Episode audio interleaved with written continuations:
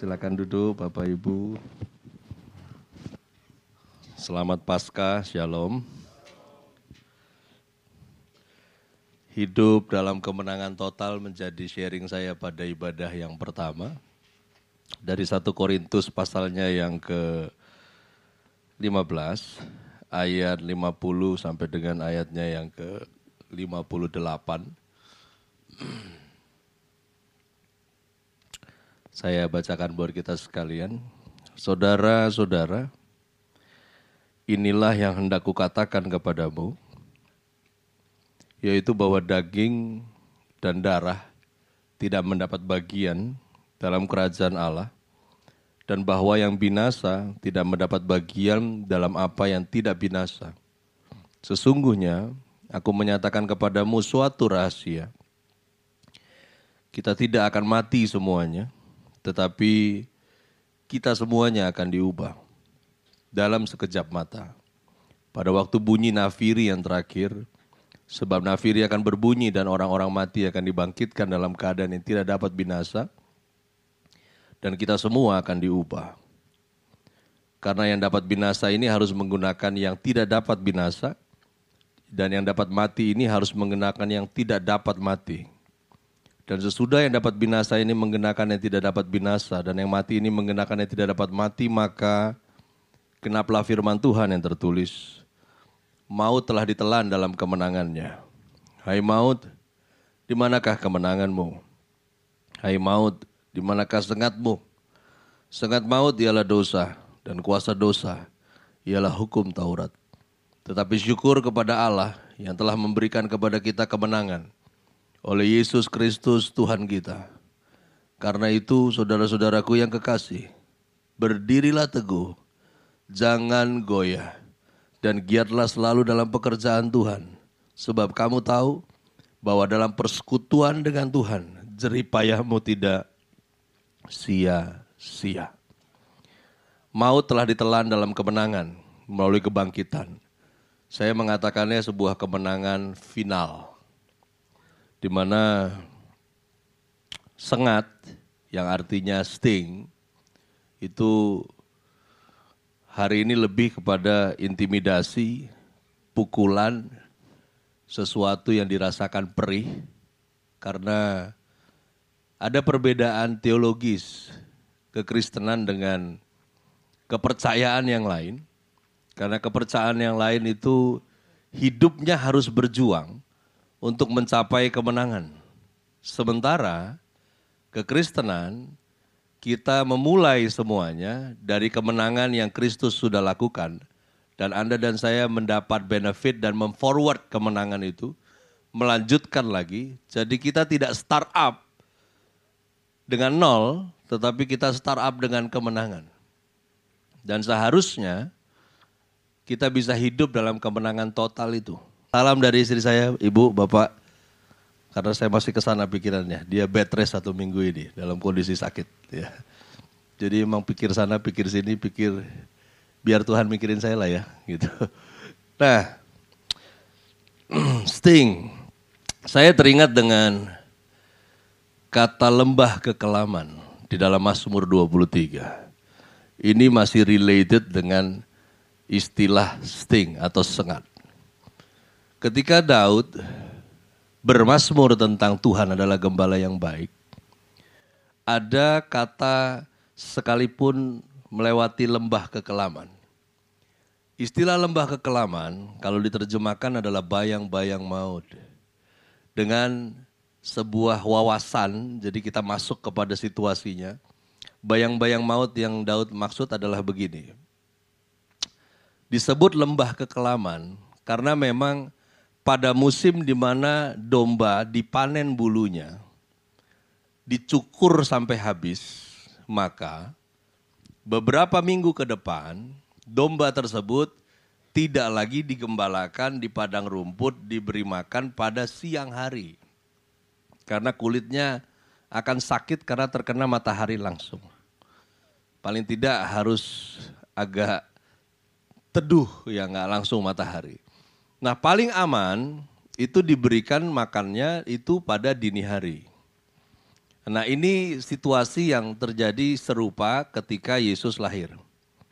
Jadi Yesus atau Yusuf itu tidak tidak usir domba yang ada di kandang, tapi memang itu musimnya sedang panen bulu domba. Jadi para gembala harus membawa domba itu keluar dari kandangnya makan pada waktu dini hari. Dengan tujuan angin malam itu akan menusuk pori-pori kulit daripada domba sehingga terangsang untuk tumbuh lebih cepat. Itu alasannya. Nah, namun angin yang paling baik itu bukan berada di padang rumput yang datarannya tinggi. Tapi berada pada tempat yang meliuk ke bawah yang disebut dengan lembah. Nah, ketika domba itu dibawa di lembah, maka di atas lembah itu pada dini hari sudah diintai. Binatang buas yang sudah mengintai. Ini yang Daud bilang lembah kekelaman. Ketika serigala mengintai, kemudian kena sinar bulan dari atas, maka serigala tersebut bayangannya akan menjadi besar sekali. Ini yang disebut lembah kekelaman atau bayang-bayang maut. Di mana bayangan selalu lebih besar dari wujud aslinya. Bisa tangkap ini? Ya. Hal yang sama terjadi sementara kita orang percaya berjalan bersama dengan Tuhan dalam kemenangan yang total. Di sana Paulus bilang, "Hai maut, di mana sengatmu?" Yang bisa iblis lakukan sekarang adalah gertakan untuk hidup Anda dan saya. Dan itu setiap hari. Di mana sengat itu artinya pukulan, intimidasi, dan rasa yang perih. Seperti luka yang ditaruh asam di atasnya. Itu yang iblis lakukan day by day. Sementara Anda dan saya harus meyakini, menghidupi hidup dalam kemenangan total karena Kristus, bukan karena Anda dan saya berjuang untuk menjadi menang, melainkan karena kemenangan itu sudah diberikan dan Anda dan saya harus hidup dengan cara yang menang itu. Ya. Iblis itu masih ada. Dia masih kerja walaupun sengatnya sudah dihancurkan kepala ular itu telah diremukkan. Masalahnya dia belum binasa. Sehingga di akhir zaman dia disebut sebagai ular tua. Yang kepalanya rusak. Kemudian dijuluki sebagai naga. Jadi naga itu bukan dinosaurus berekor panjang. Tapi ular yang kepalanya diinjak jadi gepeng model begitu kebangkitan. Kristus itu mengerjakan kemenangan total yang menghasilkan kebangkitan dan perubahan. Di Korintus yang kita baca tadi adalah sepenggal tentang bagaimana masa depan orang percaya itu terjadi. Yang mati dibangkitkan, yang hidup terangkat, at the end semua totalinya diubahkan. Karena itu kita nggak mudah-mudahan menjadi menang. Tapi memang kita sudah mulai dengan kemenangan yang Tuhan berikan. Nggak ada lagi perjuangan untuk Anda dan saya menjadi menang. Kita nggak perlu hari-hari khusus, nggak perlu puasa khusus untuk Anda masuk kepada kemenangan. Karena memang kita sudah mulai dengan kemenangan. Yang lain itu gambling. Kenapa saya bilang gambling? Karena belum pasti lu menang apa enggak terakhir. Tapi kita ini kepastian. Bahkan istilah lebih daripada pemenang. Itu bukan slogan Bapak Ibu. Lebih daripada pemenang itu nyata. Kristus yang selesaikan di atas kayu salib, Anda dan saya yang terima benefitnya, itu nyata. Ya. Dia yang bertempur, Anda yang dapat pialanya. Itu namanya lebih daripada pemenang. Dan itu bukan slogan. Itu bukan kalimat-kalimat motivasi yang membangun Anda dan saya punya emosi. Itu kenyataan. Anda umat pemenang. Itu fakta. Itu kebenarannya. Karena itu hiduplah dengan kualitas juara.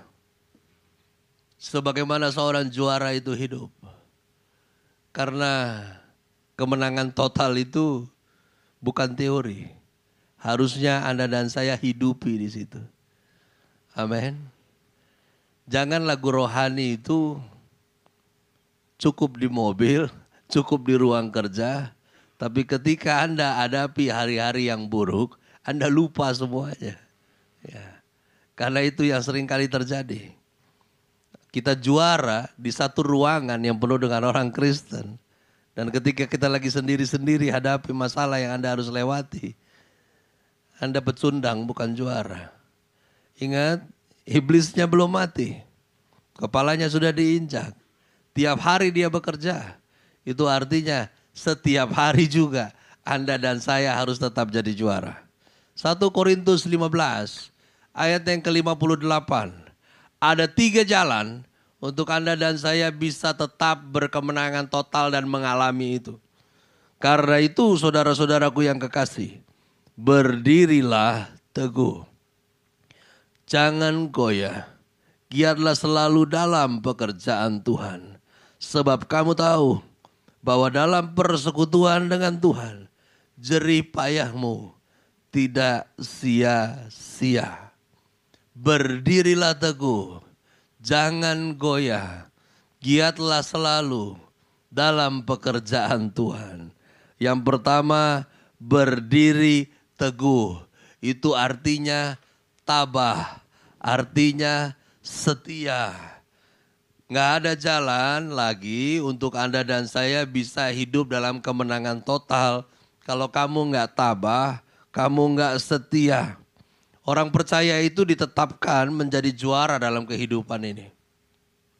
Seorang juara itu nggak dilahirkan, nggak ada. Ya, ketika Anda percaya, Anda diberi kemenangan, itu iya. Tapi nggak ada seorang juara itu dilahirkan. Juara itu produk exercise. Ya. Itu produk terlatih. Anda nggak bisa, nggak ada ya bayi lahir-lahir sispek gitu kan. Ya. Tiba-tiba ototnya udah kebangun. Ya. Tiba-tiba dia bisa lari kencang. Tidak ada suddenly untuk seorang juara. Selalu ada day by day yang Anda dan saya harus dilatih kita bisa terhilang dari ketetapan kalau kita tidak steadfast. Orang-orang nggak sanggup lagi untuk berkemenangan kalau dia nggak setia. Steadfast, berdiri tegak. Ya, berdiri teguh. Orang-orang yang setia, orang-orang yang produktif. Orang-orang setia, orang-orang yang tabah tabah, sekalipun kamu nggak ngerti, kamu tetap percaya sehingga kamu beroleh pengertian. Saya dalam kesibukan tujuh tahun ini, saya adakan simple teologi modul, sebuah pendidikan teologi untuk kaum awam yang harusnya kuliah empat tahun bisa selesai dalam 12 kali pertemuan. Ya, diberi intisarinya saja, modulnya saya yang buat. Ada banyak pertanyaan-pertanyaan seputar urusannya Tritunggal. Saya sering kali bilang buang kata Tritunggal itu karena yang ada di Alkitab keesaan Allah. Itu Tritunggal gawe-gawean kita aja. Fokusnya harusnya keesaan Allah. Mereka banyak bertanya tentang bagaimana meyakinkan orang. Bagaimana bikin orang menjadi percaya. Saya bilang Tuhan aja gak bisa bikin kau jadi percaya. Apalagi kita. Orang mau jadi ngerti harus percaya dulu. Kalau nggak percaya dia nggak ngerti. Tapi orang akhirnya menjadi ateis karena dia ngotot untuk ngerti baru dia mau percaya. Memang kadang kurang ajar juga ini pola ini. Bagaimana kau harus percaya penciptamu sementara kau yang diciptakan ngotot untuk bisa kau percaya dia kalau kau ngerti. Ini kan terbolak balik kan cara berpikirnya. Ya. Hal yang serupa pada orang percaya. Anda nggak bisa jadi tabah untuk setia kalau kamu ngotot untuk ngerti. Dunia ini lebih tua dari kau. Ada yang lebih tua umur ya di ruangan ini dari kota Bandung. Ya. Bumi ini lebih tua dari kita. Ada banyak hal yang Anda nggak ngerti. Tapi kalau kamu mau tetap percaya, nanti Tuhan bikin kamu ngerti. Amin. Ya. Bahkan yang banyak tahu khotbah saja dituntut lebih banyak. Ya. Dituntut lebih banyak. Ya. Saya kalau mau ikutin gak suka, saya gak suka. Ya. Hari Minggu, dua minggu yang sebelum itu, khotbah yang ketiga di Season City, kami keluar menuju mobil, cuman sebentar saja sepersekian detik. Saya lihat ke belakang istri saya udah jatuh. Kakinya udah terlipat. Ya. Mata kakinya udah hantam ke aspal. Hanya cuma gara-gara undakan sebesar ini. Ya. Saya pas lihat, saya bilang diam di situ. Saya bawa barangnya, kasih masuk ke mobil, baru saya balik lagi. Jangan rubah posisi. Baru saya angkat pelan-pelan. Saya mesti lanjut khotbah tiga lagi. Saya masih bawa dia pulang. Taruh di tempat tidur, saya pegang kakinya Ya, karena kita kalau atlet kita paham, ya. Atlet bela diri harus baca tulang itu. Saya baca tulangnya lihat, saya bilang no no no, ini ndak ada pindah, ndak ada apa-apa. Tapi benturan ini bikin memar tulang. Ya. Jadi nanti dikompres saja. Udah kompres selesai. Kompres selesai belum ada berapa hari tiba-tiba matanya jalan sendiri. Ya. Mata jalan sendiri bawa ke dokter mata, dokter periksa ini katarak. Ya. Oh ya udah, tapi kok saya nggak puas ya. Kita cek lagi ke yang senior. Seniornya bilang, ini memang katarak, tapi harusnya nggak begini. Ini bukan katarak yang bikin begini, mata bisa begini. Ini pasti gula dalam darah. Diperiksa, nggak tinggi sih, cuma 369. Ya. Ketika saya lihat datanya, dokter bilang nanti kita tempel retina dan lain sebagainya ini begitu. Nanti kita beresin Pak Pendeta. Ya. Saya bilang ya. Kita nggak masalah dengan uang kita bisa bayar. Ya. Saya udah siap buat yang begitu. Tapi saya, saya ternyata kadang kita nggak siap juga ngadapin ini. Ya. Mau marah, mau komplain, kita urus orang banyak, tapi kok seolah Tuhan nggak becus urus kita. Ya. Apa ini? Saya masih mesti urus orang banyak, mesti urus ini, tetes matanya, empat jam sekali, obatnya, semua. Ya. Saya saya nggak ngerti. Yang saya pikir selama ini saya ngerti banyak. Tapi apa pun itu, kita juara dalam Yesus. Amin. Kamu nggak bisa ngotot untuk kamu ngerti.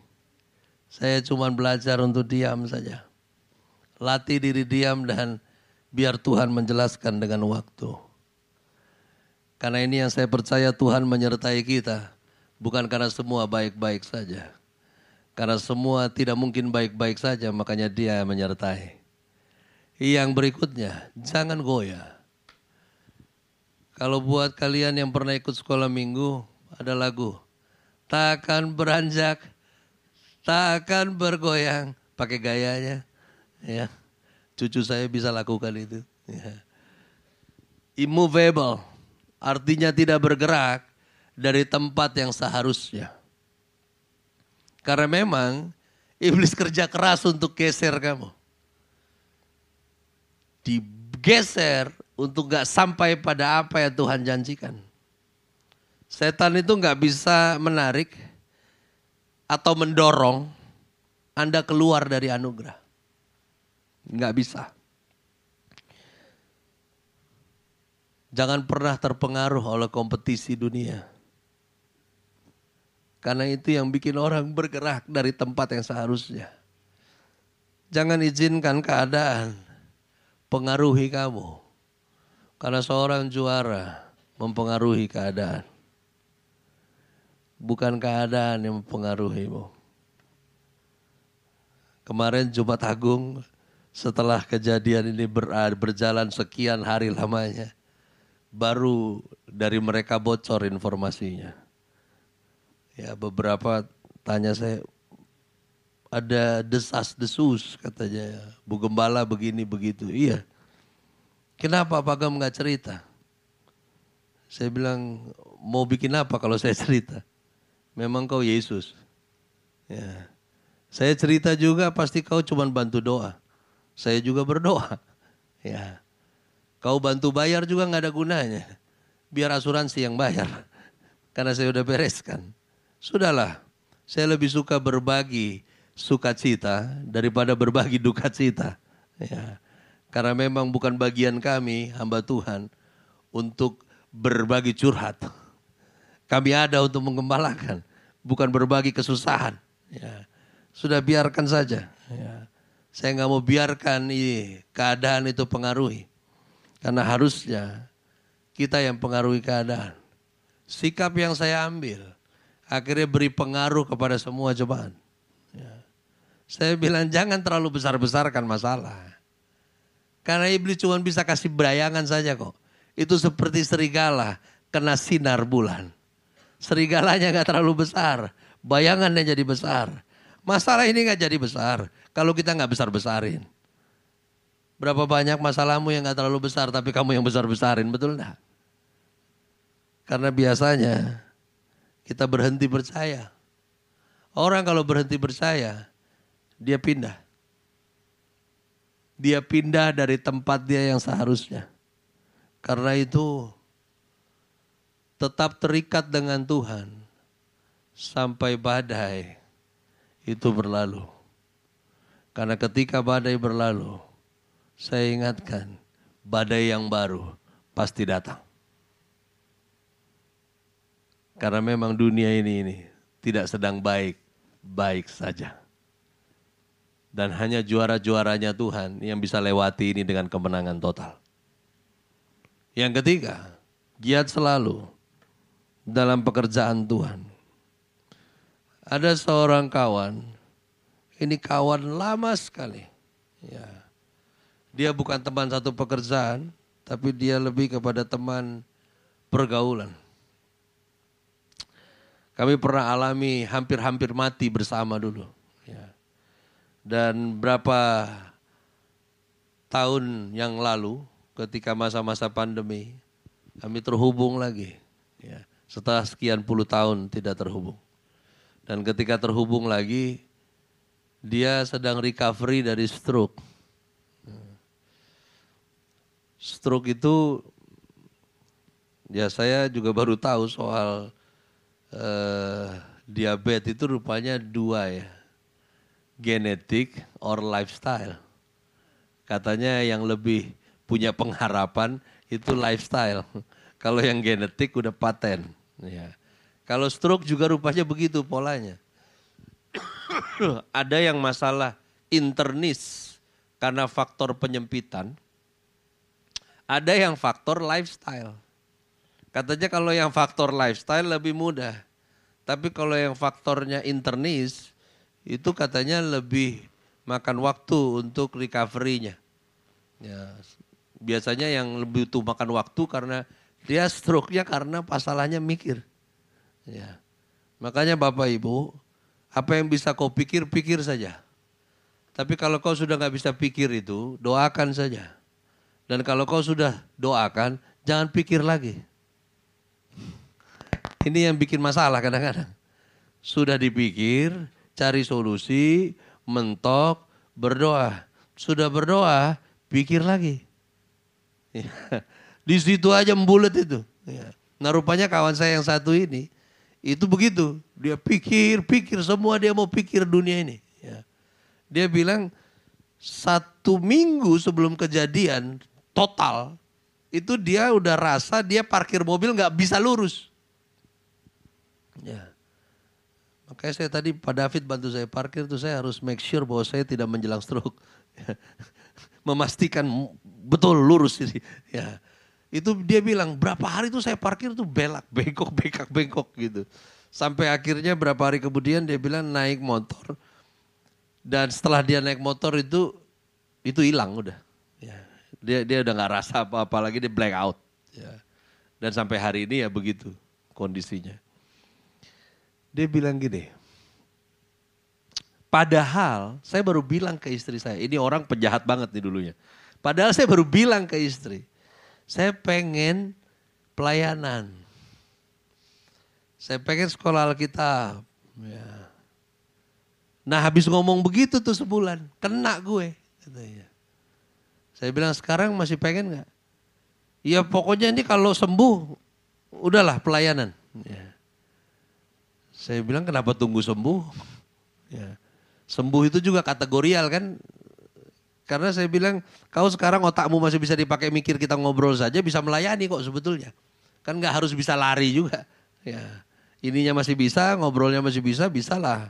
Dia nanti kalau ini bisa begini, bisa begitu. Ya. Bapak Ibu, abounding itu penting. Abounding itu artinya penuh, melimpah, total. Itu artinya abounding. Ini istilah yang digunakan untuk giat selalu dalam pekerjaan Tuhan. Ada lagu lama di puji-pujian yang biarlah rohmu menyala-nyala dan layanilah Tuhan secara grammar itu ketuker. Padahal ayatnya bukan bilang menyala-nyala dulu baru melayani. Ayatnya bilang kamu melayani dulu nanti pasti nyala. Dan kalau mau tetap nyala kamu mesti tetap melayani. Nah karena ini yang sering kali diputar lagi. Saya mau melayani pak, tapi belum nyala. Tunggu nyala dulu lah semangatnya, baru saya melayani. Kau melayani dulu, nanti nyala pasti.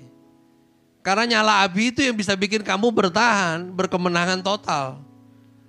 Karena ketika kamu berhenti peduli, Anda akan lihat deh, kau dirusak dengan egoismu sendiri. Karena itu mari bertekun untuk melakukan kehendak Tuhan. Ini mungkin klise. Tapi kalau saya mau katakan bertekun dalam kehendak Tuhan maksudnya begini. Ayo mulai sekarang kalau mau hidup dalam kemenangan total, mari sibuk cari tahu apa mau Tuhan. Saya ketika alami kemarin tuh memang agak bos gitu. Saya diam dan setiap step saya selalu bilang, oke, okay, Explain to me. Maunya Tuhan apa? Ayo, maunya apa? Ya. Karena saya nggak tega ngelihat satu mata bisa begini, tapi yang satu mata stuck, tak, tak, uh itu kayak, ayo Tuhan mau ganti tukar pakai kelingking saya, saya tukar. Mau tukar pakai tangan saya satu, tukar. Ya. Zaman dulu saya punya mental underdog, saudara. Ya. Ketika saya sayang, ketika saya jaga seseorang, saya akan taruh nyawa saya di situ. Ya. Tapi saya coba tenang dan bilang Tuhan, bikin saya ngerti maumu apa. Hidup ini sebetulnya jadi susah, tambah susah. Karena kita sibuk dengan maunya kita kan. Terlalu banyak kita punya mau. Sampai kita nggak tahu maunya Tuhan apaan. Abounding. Seorang juara itu bertanding sesuai aturan main. Anda nggak bisa bertahan dalam kemenangan yang jadi bagianmu kalau kau nggak sesuai dengan aturan main. Karena itu jangan berhenti melayani perasaannya Tuhan. Gak penting lagi perasaan kita. Yang penting Tuhan aja disenangkan. Anda bisa tetap giat melayani. Kalau fokusmu adalah perasaannya Tuhan. Gak penting hati kita. Karena siapa yang fokus untuk menyenangkan hatinya Tuhan, dia bahagia. Sekedar senang, gak ada apa-apanya dengan kata bahagia. Bahagia hanya milik juara. Orang-orang yang berkemenangan total karena selalu sibuk cari tahu apa maunya Tuhan. Saya sempat dapat masukan dari orang-orang dekat bilang tenang aja dulu, don't do something dan saya bilang no no no, no. saya tetap melayani, saya tetap lakukan apa yang saya harus lakukan. Jadwal tidak akan ada yang berubah, semua akan berjalan seperti biasanya. Dan saya lagi tunggu sebuah pelajaran yang besar dari Tuhan. Karena mungkin buku-buku sekarang kurang banyak yang baru keluar. Jadi Tuhan harus ajar langsung lewat apa yang saya alami. Sekali menang, tetap menang. Anda dan saya lebih daripada pemenang. Pasca hari ini bukan tentang kita bangun jam 3 pagi seperti kebanyakan orang bikin ibadah jam 4 pagi. Ini bukan momentumnya. Tapi ini tentang apa yang Tuhan kerjakan di dalamnya. Dia bangkit, kematian gak bisa tahan dia. Dan gak ada yang bisa tahan orang percaya. Ketika kamu percaya, lihat deh. Hal-hal yang gak mungkin jadi mungkin. Hal-hal yang kamu gak ngerti, kamu paham. Mari kita berdoa. Terima kasih Tuhan Yesus. Keterbatasan mulut hambamu bicara. Namun roh kudus yang memenuhi setiap kami, memampukan kami pada pemahaman yang lebih dalam. Karena semuanya bukan lagi tentang kami, melainkan semuanya tentang Kristus saja. Kami bersyukur kalau boleh masuk di bulan April yang penuh dengan kemenangan ini. Karena kemenangan yang daripadamu itu menuntun kami. Dan kembali dibukakan, kembali diingatkan lagi akan bukan sekedar selebrasi Paskah. Bukan sekedar teori selebrasi tentang kebangkitan. Tapi kebangkitan itu nyata. Bahwa setiap hari kami dibawa pada tingkatan yang lebih tinggi dari pemahaman kami yang kemarin. Ketika kami mau tabah setia, ketika kami mau fokus saja sama perasaannya Tuhan bukan perasaan kami, maka kekuatan kami diperbaharui, terus diperbaharui, hingga semakin hari dalam pertandingan iman ini, bukan kami semakin lelah, melainkan kami semakin kuat, semakin kuat dan bersuka cita. Aku berdoa tikap sorga yang terbuka pada pagi hari ini, melawat setiap pengertian kami, dan kami boleh dalam kekuatan yang terus diperbarui berjalan lebih cepat sampai pada apa yang Tuhan sediakan. Dan akhirnya kami mengalami kepenuhan Kristus yang sejati. Hingga satu nama yang ditinggikan dimuliakan. Yesus Kristus Tuhan. Yang percaya mari bersama katakan amin.